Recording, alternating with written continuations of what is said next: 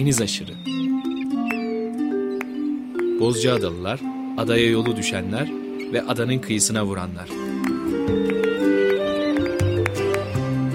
Hazırlayan ve sunan Deniz Pak.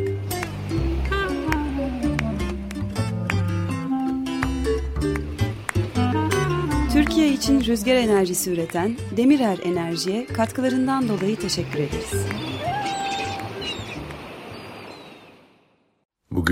Deniz Aşırı programında bu yaz aramızdan ayrılan Ferhan Şensoy'u anıyoruz.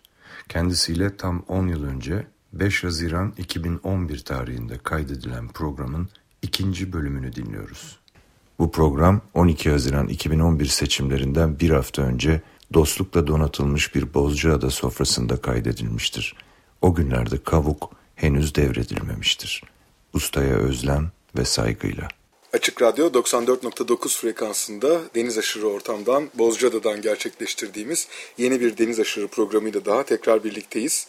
Ee, bu hafta geçen hafta olduğu gibi program konuğumuz Ferhan Şensoy. Bozcaada'daki yerimizde ağırlıyoruz kendisini. Dipte dalga sesleriyle beraber, muhtelif e, doğal sesleriyle beraber açık hava stüdyosunda bu hafta yine birlikteyiz. E, bu bizim için e, müthiş bir mutluluk. Tekrar hoş geldiniz.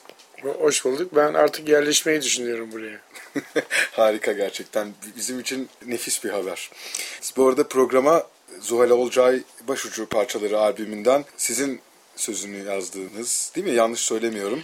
Yıldızlarda evet. İsterim isimli harikulade parçayla başladık. Evet, benim Gündeste'deki şiirlerimden biri. Grup Gündoğarken daha önce besteleyerek söylemişti. Sual bunu röpliz olarak tekrar söyledi. Benim sevdiğim bir şiirim.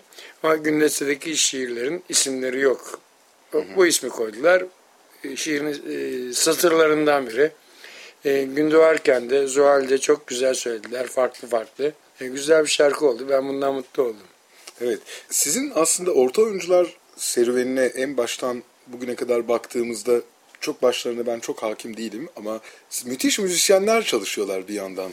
Geçen hafta programda Fikret Kızılok örneğini vermiştik. Aslında bir yandan da bu çok zor oluyor diye ama şahları da vururlarda mesela MFÖ'yü görüyoruz. Ee, evet, içinden Fikri, tramvay geçen şarkıda şah, şahları da vururlar. Dan önce bizim Fuat'la bir dostluğumuz vardı. Ben Özkan'ı tanımıyordum. Masar'ı tanımıyorum. Zaten Masar yoktur Şahları da vururlar. Onlar daha sonra böyle bir grup oldular. MFÖ Şahları da vururlardan sonra oluştu. Fuat benim arkadaşım da daha doğrusu bir Stardust diye bir gece kulübü açıldı. Orada müzik yapmak üzere Fuat vardı, yazar ben vardım. Biz öyle tanıştık. Biz birbirimizi çok sevdik. Ben Şahları Davulları'nın da kimi şarkılarını sazla besledikten sonra Fuat'ı aradım. Biz ona baba deriz aramızda. Baba gel bana yardım et ya ben öbürlerini de sen yapsan falan. Şu şarkılarımı bir adam etsem. Ben müzisyen değilim. O çok iyi bir müzisyen. Bana yardım et dedim. Fuat çok heyecanlandı bu konuya. Fuat gibi besteler yaptı. Biz provalara girdik. Yapı Endüstri Merkezi'nde. Fuat dedi ki Özkan da o sırada askerden gelmiş. Bunlar daha önce ipucu beşlisi olarak çalışmışlar. Barış Manço'nun gitarcıları olarak beraber çalışmışlar. Birbirlerini tanıyorlar. Öz, ya Özkan da olsa iyi olur diyor Fuat. E, Fuat bizim kimseye verecek paramız yok. Beş paramız yok. Heves var ama kalas parası da yok. Bir tiyatro açılıyor. Ya şimdi bir tane daha falan müzisyenim. Özkan da para sormuyor ki o da olsun dedi Fuat. Özkan Uğur Böylece şahlara devrulara katıldı. Daha sonra ikinci yılından itibaren çok yetenekli bir oyuncu olarak roller oynamaya başladılar ikisi de. İkinci yıldan sonra onlar roller de oynamaya başladılar. Belki onların oyunculuk serüveni de böyle başladı. Tabii tabii tamamen oyunculukla falan hiç ilgileri yoktu tiyatroda ama büyük bir deneyim edindiler. Biz orta oyuncularda selamda seyircimize gül atmak falan gibi adetlerimiz vardır. Onlar daha sonra Eurovizyon'a katıldılar. Mazhar Fuat Özkan olarak Şaldır Davullar'ın 3. yılında veya 2. yılında. Onlar da Eurovizyon'da herkese gül attılar. Böyle bir sahne deneyimleri vardı. Onlar olmuşlardı sahne için. Sonra Fuat bana dedi ki ya abi bize izin ver. Biz 3 yıldır çalıyoruz bu şarkıları. Biz artık her gün aynı şarkıyı çalmaktan sıkıldık. Masar'la beraber böyle bir grup olmak istiyor. Başka şarkılar çalmak istiyoruz dedi Fuat. Yerimize birilerini bulalım. Var dedim benim arkadaşım Necat Yavaşoğulları. Necat'ı aradım. Necat geldi. Derya Yener diye bir arkadaşıyla. Onlar gitarcı olarak katıldılar. Ama biz yıllardır bu şarkıları çalıyoruz. Bunu çalmak istemiyoruz diyen Masar Fuat Özkan üçlüsünün çıkışı Göle Güne Karşı şarkısı. Bu Şahları Davurların Ey Gidi Tahran şarkısı. Masar üstüne sözler yazdı. Benden izin aldılar. Tabii arkadaşlar ne isterseniz yapın dedim. Çünkü Şah Rıza şarkısıyla pop e, şarkısı olamayacağına göre tamam ele güne karşı yaptılar bunu. Ve Masar Fuat Özkan üçlüsü bu şarkıyla patladı. O Müthiş de bir parça. e, müthiş bir parçaydı. Sözler Şahları Davulların sözlerini değiştirerek yapılan aynı şarkıydı. E, Biz yıllardır bu şarkıyı çalıp söylemekten usandık diye Masar Fuat Özkan 30 daha yıldır. sonra e, 30 yıl bu şarkıyı çaldı. Onlardan sonra gelen akademiden Güzel Sanatlar Akademisi'nden arkadaşım Necdet Yavaşoğulları Derya Yener'le beraber. Onlar da bir yıl çaldı. E, bize izin ver abi biz e, bir grup kuracağız denildi. Bulutsuzluk Yani özlemi. bulutsuzluk özlemi grubu Şalları Davullardan sıkılarak bulutsuzluk özlemini kurdu. Onun üzerine ama Nejat bana Serdar ve Sarper ikilisini buldu. Bu çocuklar çalarlar bunu abi dedi. Tamam o kardeşler de geldiler. Çok güzel çaldılar. Serdar Sarper ikilisi Şalları Davullar bittikten sonra Serdar ve Sarper olarak bağımsız olarak birbirinden ayrılıp 5 yıl kadar Bodrum'un barlarında Şahları Davulların şarkılarını çaldılar, söylediler. Grup kurduran e, oyun. Ya bö- böyle ilginç bir olay oldu. Hakikaten ilginç. daha daha ilginci Ankara'da turneye gittik. Fuatlar ayrılmışlar, Fuat'la Özkan ayrılmışlar. Biz Necatlarla veya Serdarlarla çalıyoruz hatırlamıyorum. Ey gidi Tahran şarkısını biz söylerken sahnede balkondan öğrenciler el çırparak ele güne karşı diye katılıyorlar şarkıya. Daha sonra biz o, o zamanlar oyunda matine ile suar arasında üniversite öğrencileriyle söyleşiler falan da yapardık biz oyundan sonra. Kritiklerini, onların eleştirilerini alırdık. Ne düşündünüz? E, Her şey çok güzeldi de bu Ele Güne şarkısını buraya koymanız da biraz saçma olmuş dediler. Biz şarkıyı çalan olduk. Bir de tabii öyle yan durumlar da gelişiyor gerçekten.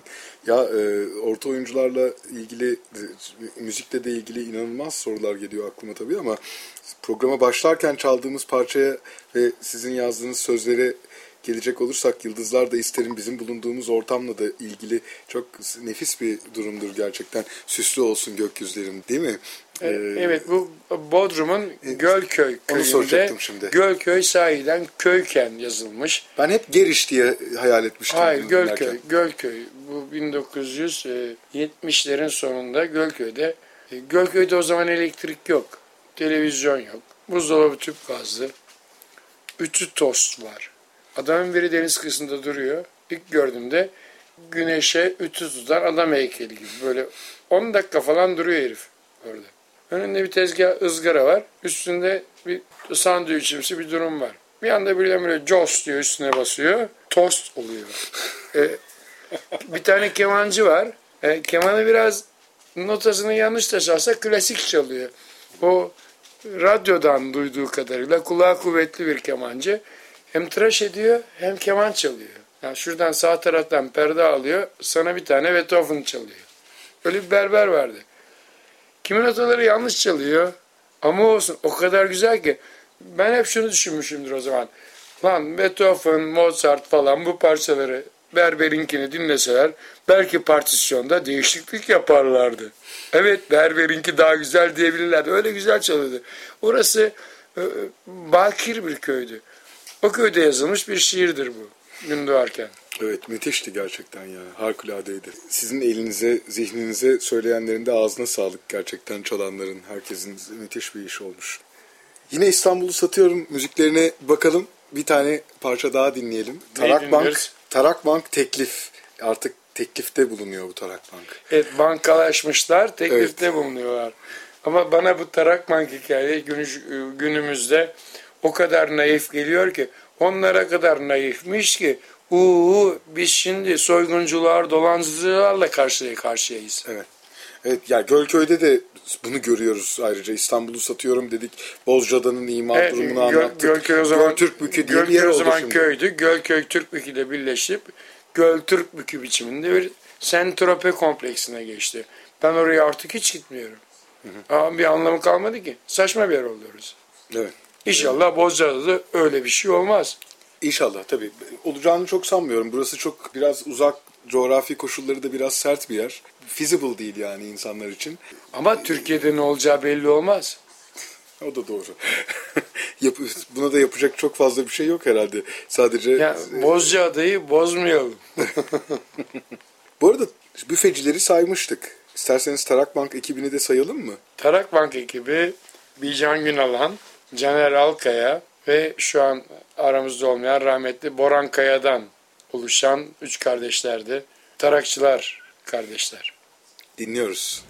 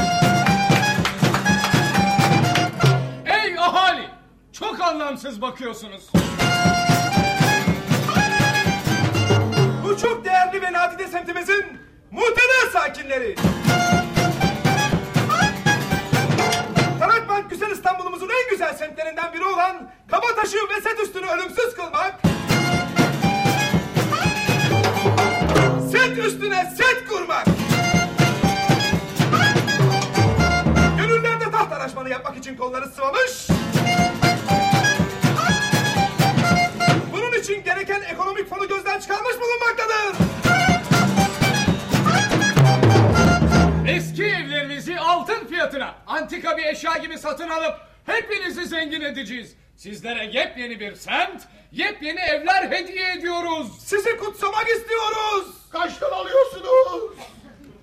Fiyatlarımız sizin evleriniz kadar kelepir olmayacak elbette. Ha, nesi var bizim evlerimizin? Taş gibi bizim evlerimiz. Ellemesen yüz yıl bir şey olmaz. Eski yapı bunlar. Şimdiki gibi uyduruk inşaat değil. Estetikten yoksun kulübecikler. Kulübeciklerimize ağzınızın suyu akıyor. Peşin para ödeyeceğiz. Şakır şakır. Sizin olsun paranız. Biz evlerimizde mutluyuz.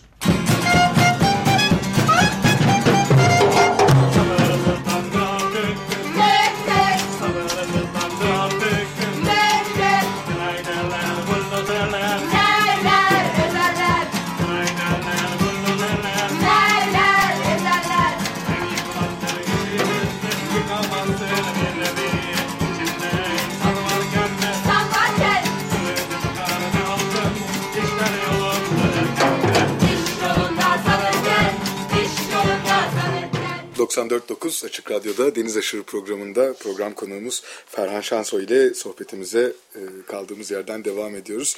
Tarak Bank teklifi dinledik. İstanbul'u satıyorum oyunundan bir başka parçaydı. Şimdi yeni bir parçaya doğru gidiyoruz. Burada e, Elebaşı Koca Sinan ismini vermişim ben bu parçaya. E, ama burada gizli bir hikaye varmış. Valessa Necati. Leh Valessa galiba. E, ona göndermesi olan bir şey. Bu Fındıklı'da Laz ilminin büfesi. E, sanırım hala var. Epidir gitmiyorum ama son gittiğimde vardı. Büfenin duvarında Trabzonspor'un en son şampiyon olduğu dönemden bir posteri var. Her yıl onu saydan bantlıyor. Epidir şampiyon olamadığı için eskimiş bir fotoğraf var. Las ilminin büfesi var. Biz akademide öğrenciyiz.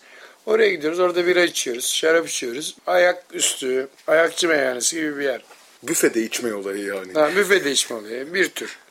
Öyle barlar falan yok o zaman fındıklı o kadar. Yüksel Gürsel dev gençli arkadaşım benim. E, Benden de kıdemli.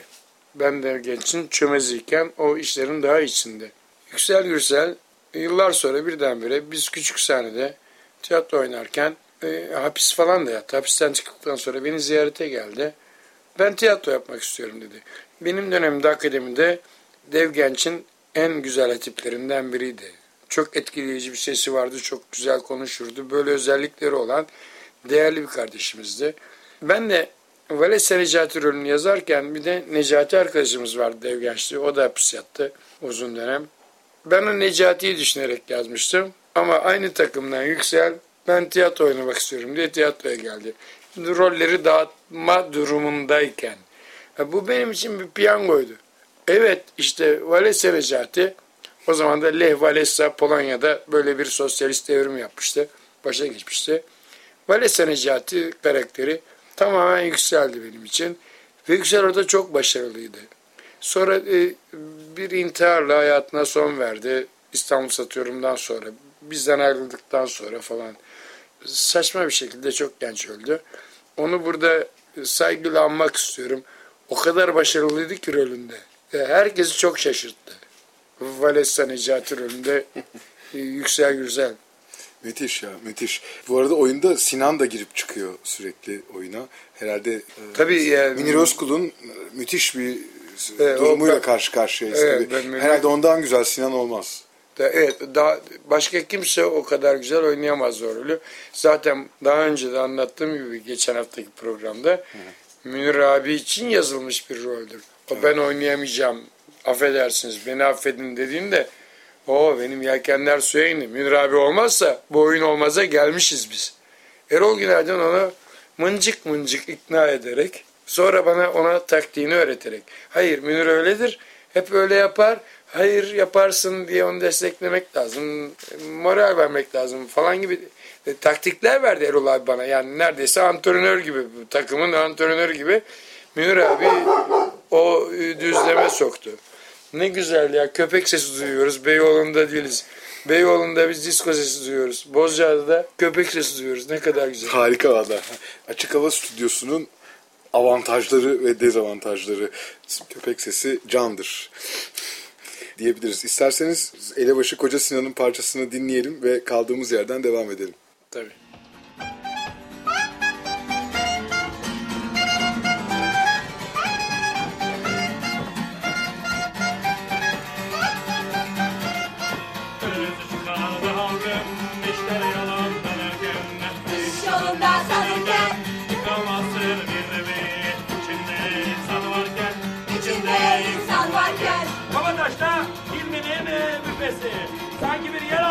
Örgütü, bir nifak yuvası. İlminin büfesi. Ben de senin hilmisi. Misi misi hilmisi Gel misi hilmisi Hem emekli hem ev sahibi Cevdet Bey. Detmey detmey Cevdet Bey Acayip bir Cevdet Bey Detmey detmey Cevdet Bey Çok acayip Cevdet Bey Sevdi misin bana vereceğin heykel hali? Gel gel hali gel hali Ey ahali gel hali Hilmi bana bir içi kamış ver el kol kalkmıyor. Ah halidi halidi Ah ah halidi Bu da Vanessa Necati. İşte Vanessa Necati. Vanessa Necati işi biştek yerlerden. Muhitimizde bir evde kiracıdır. Güzel sanatlarda öğrencidir. Sittin senesi. Şimdi bu da işin elebaşı. Yeraltı örgütünün gizli şefi. Koskoca Mimar Sinan'ı hiç utanmadı. Koskoca Mimar Sinan Susun Sinan Minan demeyin bir tanıyan olacak bir duyan olacak. Türbemde huzurum kaçacak başım belaya girecek. 94.9 Açık Radyo'da Açık Hava Stüdyomuzda program konuğumuz Ferhan Şansoy ile sohbetimize kaldığımız yerden devam ediyoruz. Valesa Necati hikayesini dinledik ve Elebaşı Koca Sinan parçasını dinledik. İstanbul'u Satıyorum oyununda müziklerini ilk kez yayınlıyoruz bu programda. Bu da benim için ayrı bir gurur. Bir de e, sizinle birlikte bunu sunabiliyor olmak çok müthiş bir mutluluk gerçekten. Şimdi bu oyunun belki de en güzel parçasını dinleyeceğiz. Bana göre tabii söylüyorum bunu. Karagümrüklü Eyüplü atışmasını dinleyeceğiz. Erol Günaydın ve siz varsınız. Rampi İbrahim, Eyüplü Tayyar. Evet. Burada acayip hikayeler vardır herhalde diye düşünüyorum. Gerçekten çalıyorsunuz sazları Tabii, e, tabii. sahnede. Erol Günaydın da saz çalıyor demek ki. Ve çalıyor ama onun yanında da Selim Sesler ve Serap Günaydın da Serap Günaydın da saz çalıyor. Onların takımı o. Öbür tarafta da ben saz çalıyorum. Benim yanımda da saz çalan biri var fakat şimdi hatırlamıyorum ne fena. Böyle bir atışma. e, Saz aşıklarının atışmasının çok politik bir e, konumu. Onlar dalancılar. Biz karşı dalancılar olarak atışıyoruz İstanbul üstüne. Sonunda kavga dövüş, sazlar birbirinin başına vurularak falan biten bir sahne. E, çok güzel bir sahneydi. Geleneksel tiyatromuza çok yakışan bir sahneydi. Sahne tabii, evet. Burada da Erol Günaydın mükemmeldi. Ortalık yıkıyordu. Evet, Erol Günaydın da geleneksel tiyatromuzun çınarıdır yani. E, elbet, da, e, elbette yani e, herkesin kavuğu olmaz ama bana sorarsanız Erol Günaydın da bir kavukludur. Kavuk almayan bütün o ustalar da kavukludur. Bunlar tiyatromuzun kavuğu devreye almamış kavuklularıdır. Ne, ne kadar enteresan şeyler öngörüyorsunuz. Dinleyicilerimiz birazdan dinleyecekler. Biz tabii siz zaten yazan, yöneten her şey olarak buradasınız ama ben hani kaydı hem çok iyi dinlediğim hem de oyuna vakıf olduğum için söylemeliyim. Ne enteresan öngörüler. Üçüncü köprü öngörüsü mesela değil mi? E, e, evet işte bilim kurgu İstanbul. Ben İstanbul Satürn hep bilim kurgu olarak yazdım. Bilim kurgu olma şansı olamadı. Ben hepsini yaşadım. Hepsi gerçek oldu. O kadar çabuk ki aa ben bilim kurgu yazarı değilim demek ki yani falcı mıyım neyim duygusuna kapıldım. Hemen oluyor. Ben bilim kurgu yazıyorum hemen ondan oluyor. Feyz almış olmasınlar sakın ya.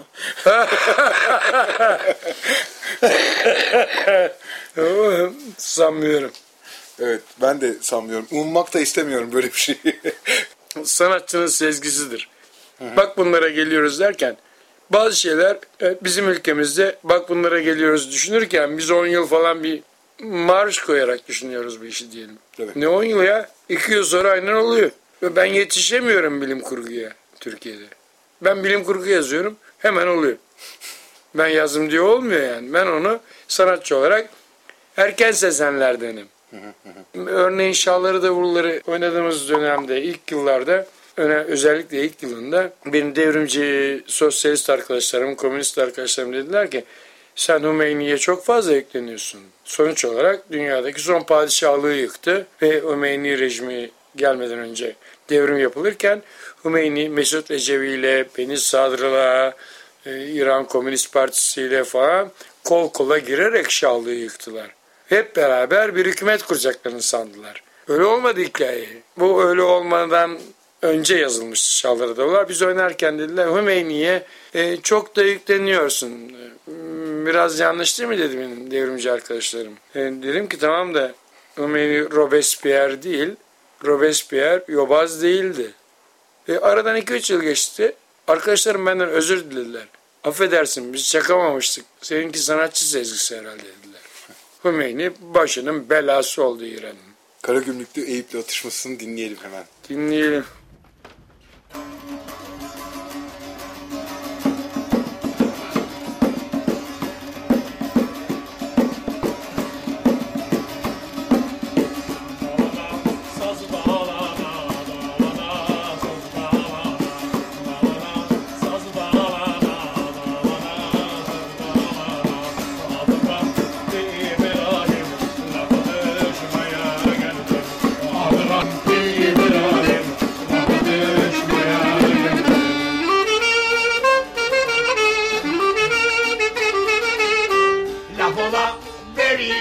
geldin dalana laf dalana Laf ola beri geldin. Dalana söz dalana Eyüp'tü taylar derler adımı bilenler. Eyüp'tü taylar derler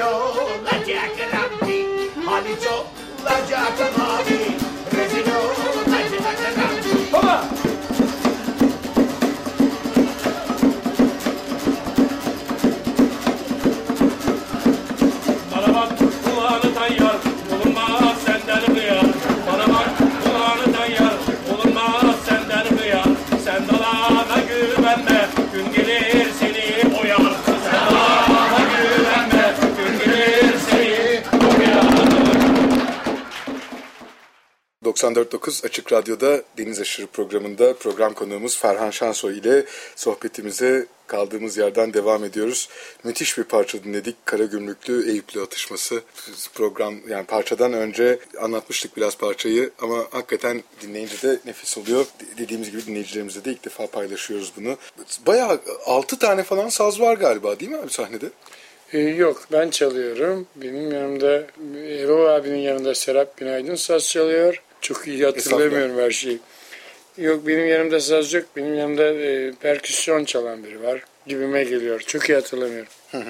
Çok hacimli de geliyor ses bir yandan da. Çok Evet çünkü gerçekten. bir atışma olduğu için herkes çok kuvvetli. Giderek volüm yükseliyor. Bu bir kavgaya dönüşüyor. Atışmanın anlamı odur. Ki, çünkü e, saz atışmacılarında sazı birbirinin kafasına vurup kıran vardır. Atışma öyle bir şeydir. Kavga çıkar sonunda. Bunda da çıkıyor galiba. Evet çıkıyor evet. O da bir kavgayla bitiyor sahne. Oyunda İstanbul'u satıyorum oyununda müthiş bir Koca Sinan figürü var ki hakikaten Koca Sinan e, olduğunu orada da görüyoruz. Koca Sinan sadece e, siz, yine sizin müthiş sanatçı sezginizle e, hissettiğiniz bir şey. Belki o gün o saygıyı Koca Sinan'a duymayan tarak bankçılar, oyundaki tarak bankçılar yıllar sonra 2004'tü sanıyorum. Dünyada Sinan yılıydı. Bütün dünyanın Evet. e, kutladığı bir Sinan yılı oldu. E, Türkiye'de hiç duyulmadı. Yani müthiş bir hikayedir. Bence Türkiye'nin en büyük kahramanlarından bir tanesidir Koca Sinan. E, elbette e, Mimar Sinan'ın karşılaştırması gereken insanlar Leonardo da Vinci falandır. Yani bunlara tekabüller Mimar Sinan. Trakya'da bir sürü sel falan ve afetler oldu. Yıkılmayan tek köprüler Sinan'ın köprüleri. Trakya'da bunu görüyoruz. Başka yerlerde de görüyoruz. Başbakanın Karadeniz'i Marmara ile birleştirme projesi Kanuni Sultan Süleyman zamanında Mimar Sinan tarafından düşünülmüş, yapılmasına başlanılmış. Bilmem kaç kilometre yok tünel yani kanal kazıldıktan sonra savaş başladığı için Sinan savaş alanına köprü yatmaya tayin edildiği için proje yarım kalmış. Erdoğan'ın söylediği proje Mimar Sinan tarafından düşünülmüş zaten. Benim projem diye sunduğu şey Mimar Sinan çok eskiden düşünmüş. Tabii tabii. Benim projem değil yani. O onun projesi değil. Projesi Mimar Sinan'ın projesi. Evet. Kasbelkader'de hayatını sürdürmüş bir adam Koca Sinan. Buralarından ok geçmiş, yaralar almış. Tabii tabii yani tesadüfen yaşamayı sürdürebilmiş. Evet. Bir de çok güzel anekdotları var. Ee, bir filozof tarafı da var Sinan'ın. Ee, örneğin bir yerde cami yapıyor. Çocuğun biri minare eğri diyor. Hemen çocuğu çağırıyor. Eğri mi çocuğum diyor. Eğri diyor. Tamam minarenin etrafına halat doluyor. İpi gel çekelim düzeltelim çocuğum diyor Sinan. Çocukla beraber öyle çekiyorlar biraz. Çocuk da öyle e, eğleniyor falan oynuyorlar Sinan'la. Düzeldi mi düzeldi mi? Evet düzeldi diyor çocuk. E, o sırada iş devam ediyor falan. Usta başları Sinan diyor niye bu çocukla eğleniyorsun ya inşaat falan şurası hocam. Hayır diyor. Bu çocuk şimdi Mimar Sinan'ın minaresi eğri diye bir laf çıkarır. Bütün millet buna inanır. O çocuğu ikna etmek lazım önce diyor. Çocuk eğri olmadığına karar veriyor. İş bitiyor. Eğri değil zaten de. E, Böyle bir filozof tarafı da var. Sinan çok önemlidir. Çok önemli bir figür gerçekten. Onun da ruhu şad olsun. İstanbul'u satıyorum da da Sinansız olmazdı bu oyun herhalde. Tabii olmazdı. Sinan'ın türbesinin hemen yanındaki hatta bir duvarı onun türbesinin tarafına bakan iğrenç mağazaları da buradan kınıyoruz. evet. Korkunç yani. Rezaletti gerçekten. O e, herhalde e, adamın kemiklerini sızlatmak için elimizden geleni de ardımıza koymuyoruz. Evet yani biz İstanbul satıyorum oynadığımızda İstanbul satılmak konumundaydı. Biz bunun altını çizmek istemiştik. Ve şimdi İstanbul zaten satılmış. El değiştiriyor Ya, hala. ya satılmış o bitmiş de ya biz nereye gideceğiz derdindeyiz. Ben Bozcaada'ya yerleşmeyi düşünüyorum. Ya ne kadar güzel. Biz de ne kadar doğru bir iş yaptığımızı sen ancak buraya gelirsen abi anlarız.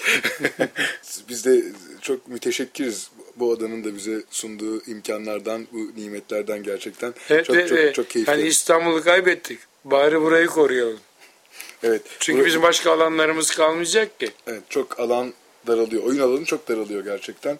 Burada da işte bir sürü hikayeler var. Onları da zaman zaman konuşuyoruz. İstanbul'u satıyorum oyununun DVD'si var bizde. Diğer oyunların da var mı DVD'leri? Her oyunu çıkarıyor musunuz? Ee, var. Ee, bir iki oyun dışında hepsinin DVD'si elimizde mevcut. Şu an oynadıklarımız oyunlar tedavülden kalkınca Tabii. gündeme gelecek. Ama biz kaydediyoruz hepsini. Örneğin Ferhangi şeylerin bir küçük tane kaydı var. Ee, 80'li yıllarda. Ee, Ferhangi şeyler çok değişti. Ben de tip olarak çok değiştim. Bir Ferhangi şeyler yeni kaydı yapmak istiyoruz önümüzdeki yıl. İkisi birlikte falan. Onlar da CD olacak. Biz kayıt konusunda sıkı bir gerilla parti olarak çalışıyoruz. Bu konuda eksiğimiz yok ama tedavüle gelmesi oyunlar kalktıktan sonra olacak. Herhangi şeyler belki ilk kayıtlar hemen sunulabilir bile. Çünkü e, Hayır, oyun çok hayır. evrildi herhalde. Ha, hatta ilk kayıt e, yani küçük sahnede oynadığım dönemde Ferhangi şeylerin ilk yıllarında bir o, e, audio kayıt var, bir kaset var. Evet o bizim hepimizin Tanju'nun, ezberlediği... Tanju'nun Monaco'ya gol attığı, Mustafa Denizli'nin ağladığı e, gibi bir haberlerle süslü. Öyle bir kayıt var. O sırada Beyoğlu'nda trafik var. Ben küçük sahneye ulaşmak üzere Bolulu bir taksiciyle genel ev üzerinden oraya zor geç ulaşıyorum gibi bir hikaye var. Sonra bu hikayeler değişti. Bunun hikayeleri, başka hikayeler de var. Turne hikayeleri de var bizde kayıtta. Örneğin Adana'ya geç kalışım. Araba arıza yapmış da bir kamyon şoförüyle otostop gibi bir hikaye var. Bütün bunları derleyen bir ikinci kayıt, yani onları da içine alan bir ikinci kayıt yapmak istiyoruz ama oyunlar tedavülden kalktıktan sonra e, CD olacak. Hala bir yandan sürüyor çünkü. E, evet. O, bir, o aynı iskelet üzerinden sürüyor. Evet ve Ferhank şeyler sanırım ben öldükten sonra CD olacak. Yani Onu da biz bitmeyecek ki. görmeyiz inşallah. Ee, Yok yani arşivde olacak da yayını öyle olacak herhalde. Kaç oyun oldu Ferhangi şeyler? Bini geçti diye biliyorum. 1600 e, Oo, 1600. 67 oynadım. İnanılmaz bir iş gerçekten. Ve ben bir bir sayıyorum. Bazı tiyatrolar 3, 5, 27, 31 diye sayanlar da var. Tabii. Tabii. evet. Ya gerçekten olağanüstü, olağanüstü. Mesela şahları da vururlar. Artık uzun zaman oldu. Onun DVD'si olacak mı? Bir hayran sorusu. E, hayır o zaman çünkü böyle bir video tekniği yoktu. Ha. Böyle bir kayı, böyle bir şeyler yoktu. O teknik yoktu. Audio kaydı var onun. Bu arada siz sürekli yazıyorsunuz. Son bölümde de çok az bir vaktimiz kaldı ama ona da girelim. Böyle multidisipliner bir yazış hikayesi var galiba değil mi? Birkaç tane kitabın notları var önünüzde. Ve siz hangisini bitirirseniz bunu. Evet dosyalar var. E, diyelim ki değişik masalar var. Baş kaldıran kurşun kalem özgeçmişsel romanın ikinci cildi. O ayrı bir masa işte. O masayı toplayıp ben buraya geldim. Oradan bir şeyler toparlıyorum. O kolay bitirecek bir iş değil. Ama arada mesela yazdığım öyküler var. Bilgisayara geçtikten sonra bu imkan daha kolaylaştı. Masada o kadar dosya olmasına gerek yok. Hepsi laptopun içinde. Açıyorum. Ben oraya bir öykü de yazıyorum. Yani gündelik çalışmam içinde bütün o dosyalara çalışma imkanım var. Kimisi çok çabuk bitiyor. Her yıl bir kitap çıkıyor ama galiba. Yani gibi falan tiyatro bana ne kadar şans tanırsa yani e, bizzat aktör olarak orada oynadığım için ve e, turneler dolayısıyla yazarlığa o kadar vakit ayıramıyorum. Yazarlık da çok vakit isteyen bir iş. E, evet o özgün bir vakit istiyor. Ben hep büyüyünce yazarım diye düşündüğüm tozlu dosyalarım var benim. Artık 60 yaşına geldim. Daha fazla büyümeyeceğimi fark ettim. Ben böyle bir paniğe kapıldım. Oynamaktan çok, turneye gitmekten çok. Beni biraz rahat bırakın da ben şu tozlu dosyaları temize çekeyim derdindeyim. Yazar Ferhan Şensoy olarak. Benim için artık bundan sonrası beni öyle ilgilendiriyor. Ben yazacağımı yazdım. Elinin üstünde oyunum var. O- o- on- 17-20 kitabım var. Daha, daha ne yazacağım ya tamam bırakın biraz istediğimi yazayım gibi bir duygudayım. Ama eldeki notlar en az bir o kadar daha iş çıkacağını E, gösteriyor. evet de bu ömrün e, vefa etmesi gerekiyor yani. Evet. Y- yarın ölürsem ne olacak? Onlar nüsvetli olarak Ferhan Şensoy'un kağıtları bulundu falan diye. Belki. Birileri için bir önem kesmeyecek. Ama ben onları o kadar not almışım o dosyalarımı onları kitaplamak istiyorum. Buna daha çok vakit ayırmak. E, Daha az tiyatro oynamak. Eskiden biz haftada 7 gün tiyatro oynardık. Ben matine söylelerle, turnelerle ben haftada 8 gün oynuyorum diye söylüyordum. E, tamam o kadar tiyatro seyircisi yok. O kadar oynamıyoruz biz. Turnelere gidiyoruz. Orada o kadar seyirci yok. Tamam biz oraya niye gidiyoruz ya? Ben de oturup kitabımı yazabilirim. Ben de buraya Bozcaada'ya gelip burada 10 gün kalsam bir dosyayı kitap ederim. 10 günde olur mu böyle bir şey? Hayır dosya hazırsa olur. Ha, olur. Temize çekmeye gelirsin buraya. Hazır dosyalar var da temize çekmeye vaktim yok. Çünkü tiyatro macerasında koşturuyorum.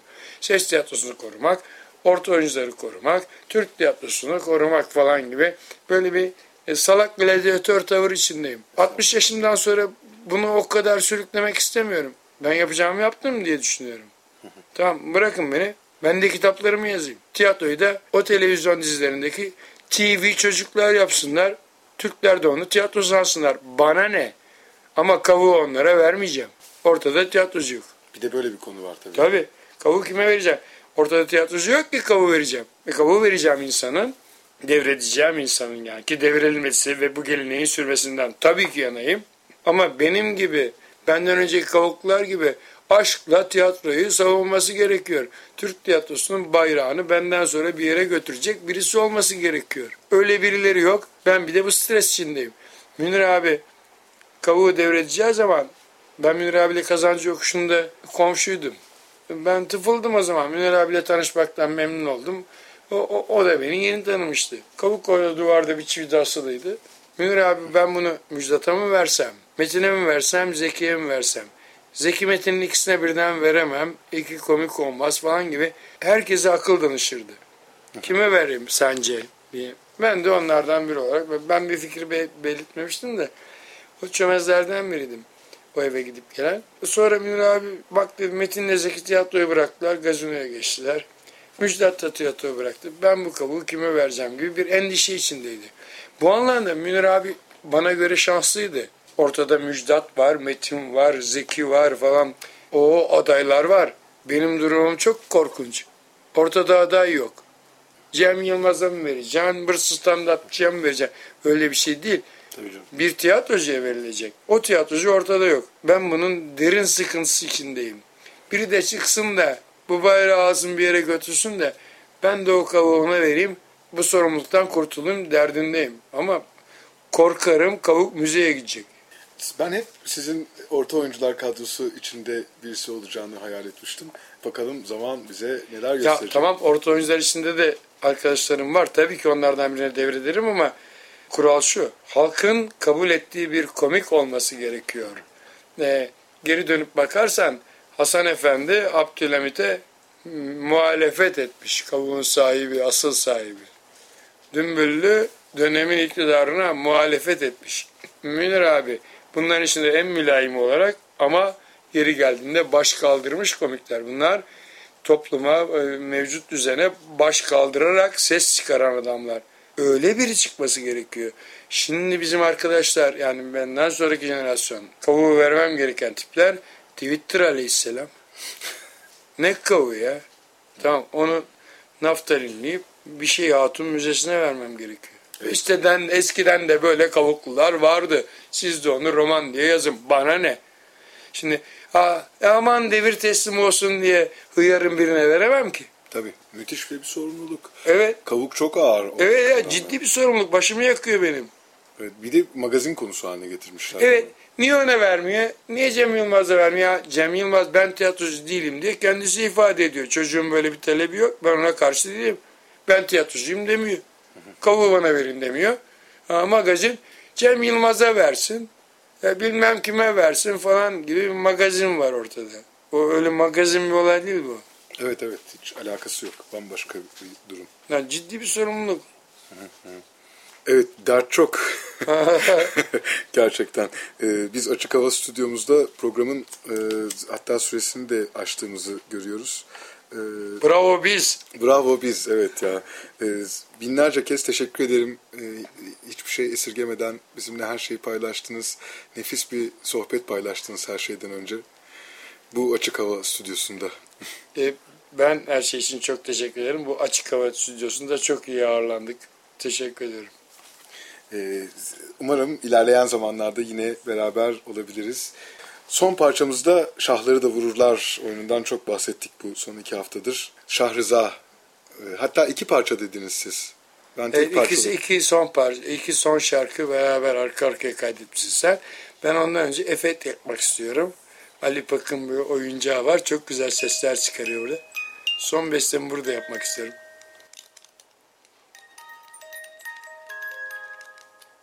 Evet uyku vakti bir yandan da. Evet, iyi geceler Ali Pak.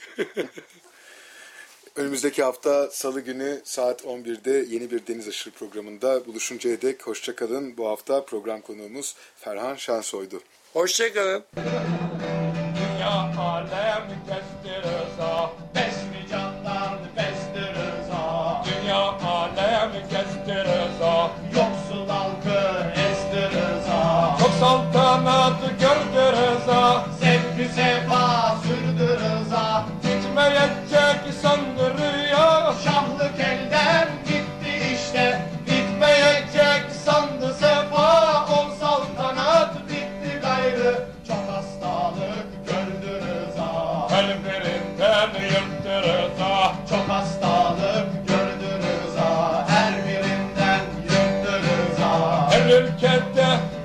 bir organı bırakarak kaçtı rıza Ölmeyecek sandı dünya.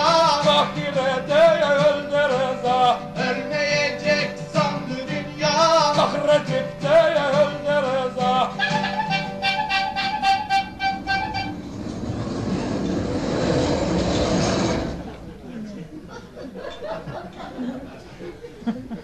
Excellence maşlama.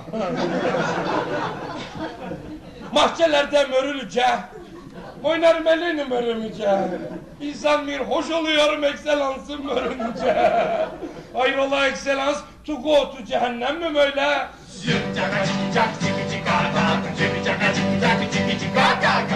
Rıza ölmüş tacıyla gömülmüş. Lan görmemişin tacı olmuş tutmuş ahirete getirmiş.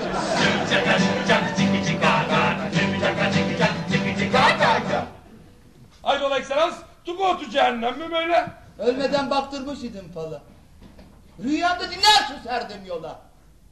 Kizinger torpil yaptı Allah'a. Benim yerim cennet-i ala. Madem hurma ağaçları artık kana bulanık, Singer'in durumu senin kadar karanlık. Zulmedenler zulmederler, zalim azapta gerek. Cehennemin çeşmesi kaynar akıyor kaynar.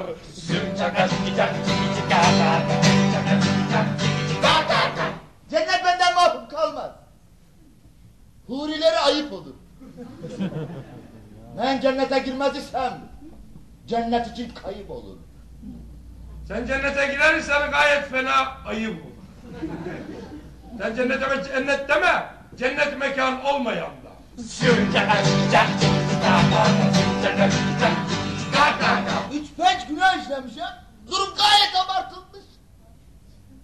Ben çok sevap eğlenmişim. Yazılması unutulmuş. Cımcaka çak çak çiki kaka. İngi demekler yürü gidiyoruz. Daha senin altının ateşini yakacağım. Gideceğim Sırat Köprüsü'nün altından adamları toplayacağım. Yeni ölenleri alıp geleceğim. Bütün gün seninle uğraşacak ya. Biz de burada üçüncü dereceden emeklilik bekleyen zamanlı bize baniyiz. Öbür tarafta ölen ölene. Bu Hümeyni ile Saddam Hüseyin işin bokunu çıkardılar. Her gün kamyon kamyon ölü geliyor. Bu kadar çok ölüm olunca Azrail işe yetişemiyor. Bazı ölümlerde Azrail gecikmeleri görülüyor. Adam ölmüş, ölüsü bu tarafa gelmemiş durumlar var. Hayır kayıp ölüler var. Allah baba sabahleyin hem Azrail'e hem bize bir fırça, bir fırça, bir fırça. Yeter be hadi yürü ekran Çünkü can acı geçer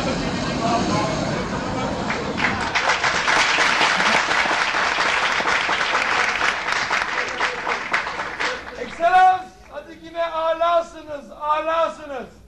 E tabi bir kazan içindesiniz. Cehennemde bundan iyisi, Şam'da kayısı. Cennete de bekleriz. Hayırlı azaplar. Toprak oldu göçtü rıza Gökyüzüne uçtu rıza Toprak oldu göçtü rıza Gökyüzüne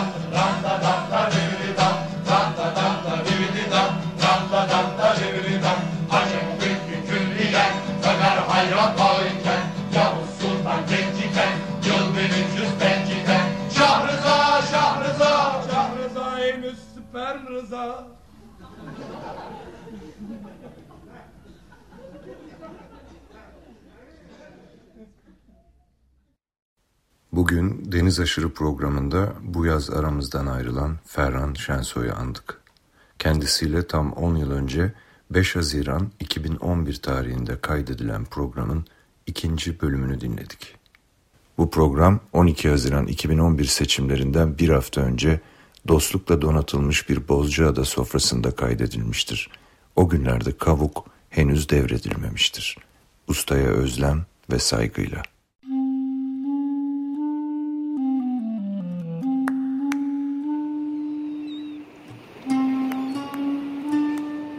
Deniz aşırı. Bozcaadalılar, adaya yolu düşenler ve adanın kıyısına vuranlar. Hazırlayan ve sunan Deniz Pak.